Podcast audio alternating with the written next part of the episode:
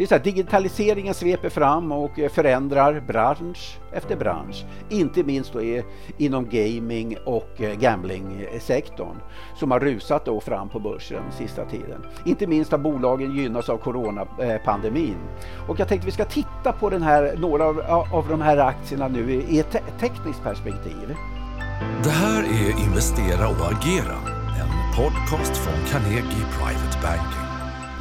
Det är torsdag den 17 december och eh, snart öppnar börsen. Eh, det vill säga klockan är snart nio. Och ni lyssnar på mig, Johnny Torssell och jag är teknisk analytiker här på Carnegie Private Banking. I dagens avsnitt, tillika årets sista podd, så kommer vi att prata om vad jag tror om Stockholmsbörsen på både kort eh, både på kort sikt och mina tankar även en bit in på 2021. Dessutom så kommer vi att prata om sektorerna eh, gaming och gambling. Eh, som jag, eh, som jag vet att många har frågor kring. Så, vad har då hänt tekniskt sedan jag var med på den senast? Vilket var då den 19 november? Jo, vi startar med OMX-index. Eh, OMX noteras fortfarande med en köpsignal som senaste signal i och med att motståndet vid 1860 passerades då den 9 november. Och nästa målområde det möter då vid jämna psykologiska 2000 nivån.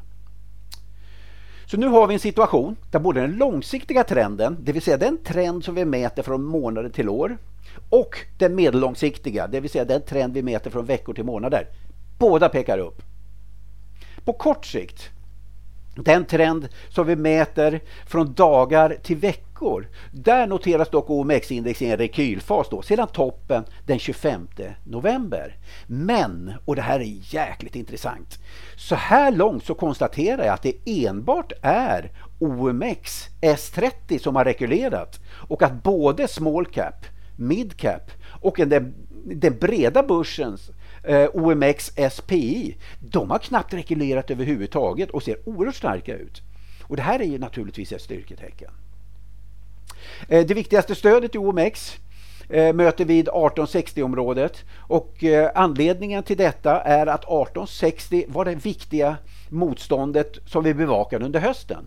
Efter köpsignalen den 9 november så bröt ju index nämligen upp över 1860 och tidigare motstånd, det blir ju ibland nya stöd. En annan, en annan orsak eh, till att 1860 är viktigt det är att 50 dagars medeltal möter vid just 1860 och vid upprepade tillfällen under hösten så har index vänt upp nästan exakt vid 50 dagars medeltal vid varje tillfälle.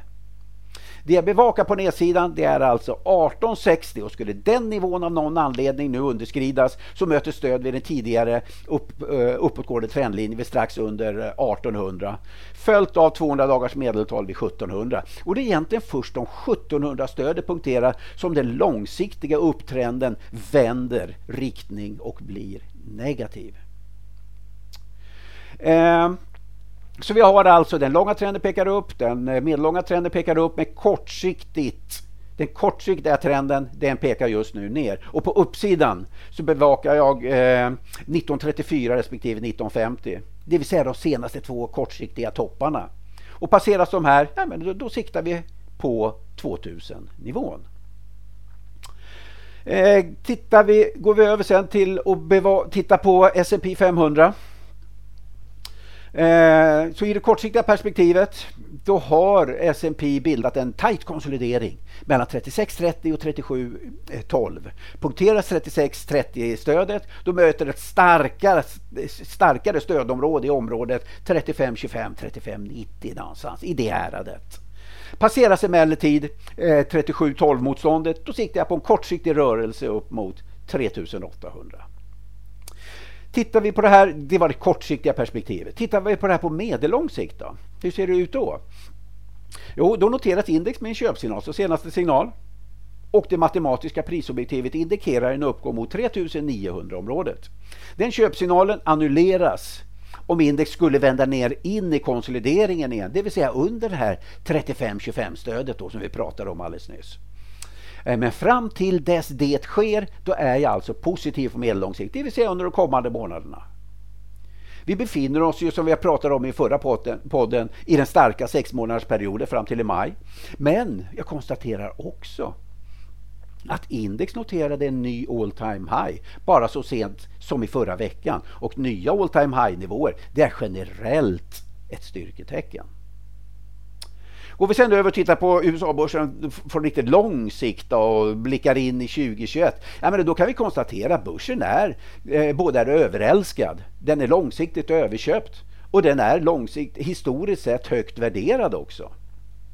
Och därför tror jag att vi någon gång under nästa år kommer att få en större rekyl. Men när det sker, det har jag ingen aning om just nu. Vilket gör att fokus det är just nu på den långsiktiga upptrenden. Och så länge upptrenden förblir intakt, då är det det som vi eh, navigerar efter. Så det var det jag hade tänkt prata om när det gäller indexen. Eh, sen har, fått, har, vi fått en del frågor om gaming och, och eh, gamblingaktierna, eller sektorn. Det är så här, digitaliseringen sveper fram och eh, förändrar bransch efter bransch. Inte minst då inom gaming och eh, gamblingsektorn som har rusat då fram på börsen sista tiden. Inte minst har bolagen gynnats av coronapandemin. Och jag tänkte vi ska titta på den här, några av, av de här aktierna nu i ett tekniskt perspektiv. Och då börjar vi med att titta på Betsson. Eh, aktien har ju noterats i en bottnade i mars som resten av börsen gjorde ner på ungefär eh, 25 spänn. Steg därefter på ett par månader fram till toppen i juli då på vid ungefär 80 kronor. Därefter har aktien gått sidlänges i en stor konsolidering. Så nu blir det väldigt spännande att se eh, vad som ska hända. Eh, får vi ett utbrott över 80 nivån i Betsson tydligt över 80 nivå med lite styrka och kraft, då tror jag att aktien kan röra sig upp mot en 90 90 spänn där någonstans, kanske till och med några kronor till. Så att eh, skulle den eh, eh, å andra sidan bryta, bryta ut under stödnivån i den här konsolideringen då, det vill säga under 65 där någonstans, ja, då är den här långsiktiga upptrenden i aktien, då är den punkterad. Så att eh, all handel mellan då ungefär, säg ungefär 65 och ungefär 80 spänn, det innebär konsolidering. Och det jag bevakar nu det är ett eventuellt utbrott i den aktien. Går vi vidare och tittar på Embracer så kan vi konstatera att eh, aktien befinner sig i en långsiktig upptrend. Eh, och eh, på medellång sikt så har vi just nu haft en konsolidering. Aktien toppade här nu i eh, den 9 november precis i samband med eh, när eh, den här nyheten om vaccinet presenterades i USA. Då toppade aktien och har noterats sen i en konsolidering. Men den ser överlag stark ut. Och eh, nästa motstånd det möter uppe vid ungefär 200 spänn och därefter vid eh, ungefär 220 kronor. Så att, men det här, den här ser överlag stark ut skulle jag säga. Och det är väl samma sak med Evolution Gaming.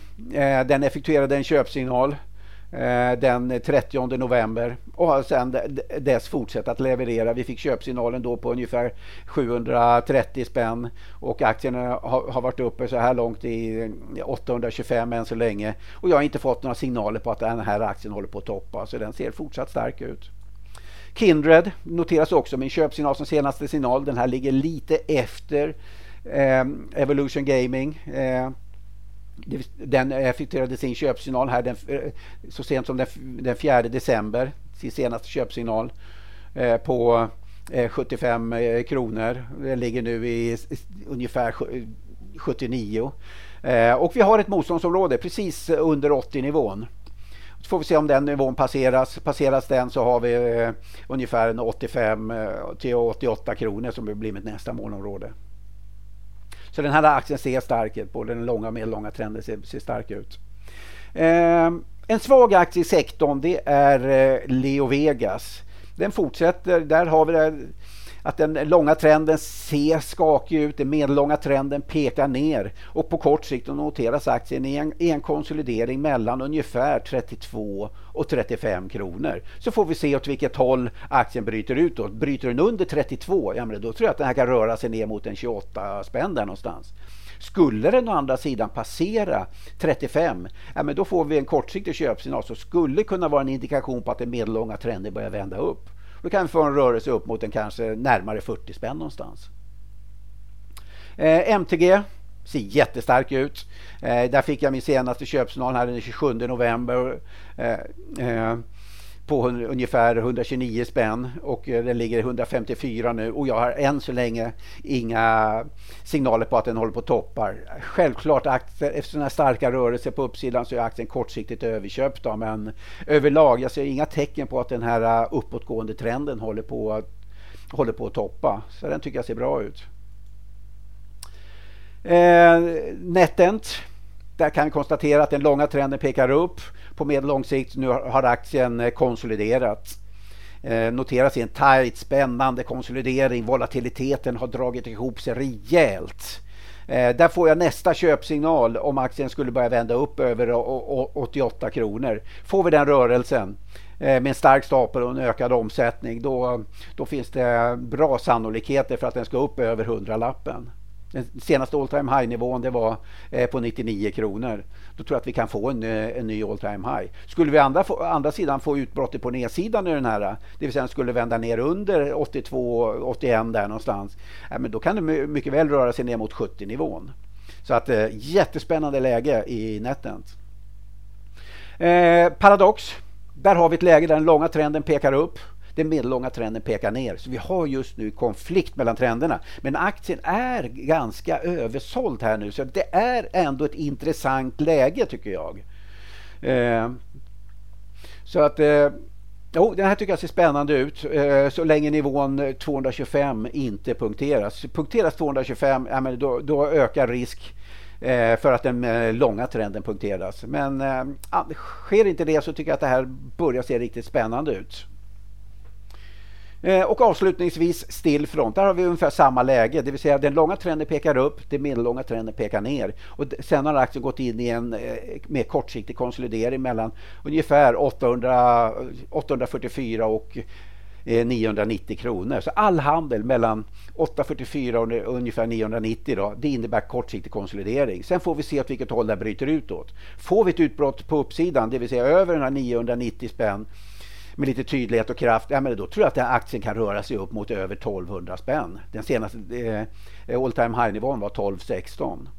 Skulle vi få utbrottet på nedsidan av den här konsolideringen, det vill säga under 845 kronor, där någonstans 844, då har vi nästa stöd nere vid 800 nivån då, så får vi se vad som händer där då. Så det var väl det egentligen, så att överlag så kan vi konstatera att eh, sektorn ser överlag ganska stark ut tycker jag och eh, det ska bli spännande att följa den framöver här eftersom vi har en hel del intressanta eh, formationer just nu under bildande. Så det var det jag hade idag, så tack så mycket för att du har lyssnat. Eh, investera och agera är tillbaka eh, andra veckan i januari. Eh, och nu avslutningsvis så vill jag önska en riktigt god jul och ett eh, gott nytt år. Är du intresserad av topprankad aktieanalys och unika investeringsmöjligheter? Gå in på carnegie.se privatebanking och lär dig mer om vad du får som private banking-kund hos oss.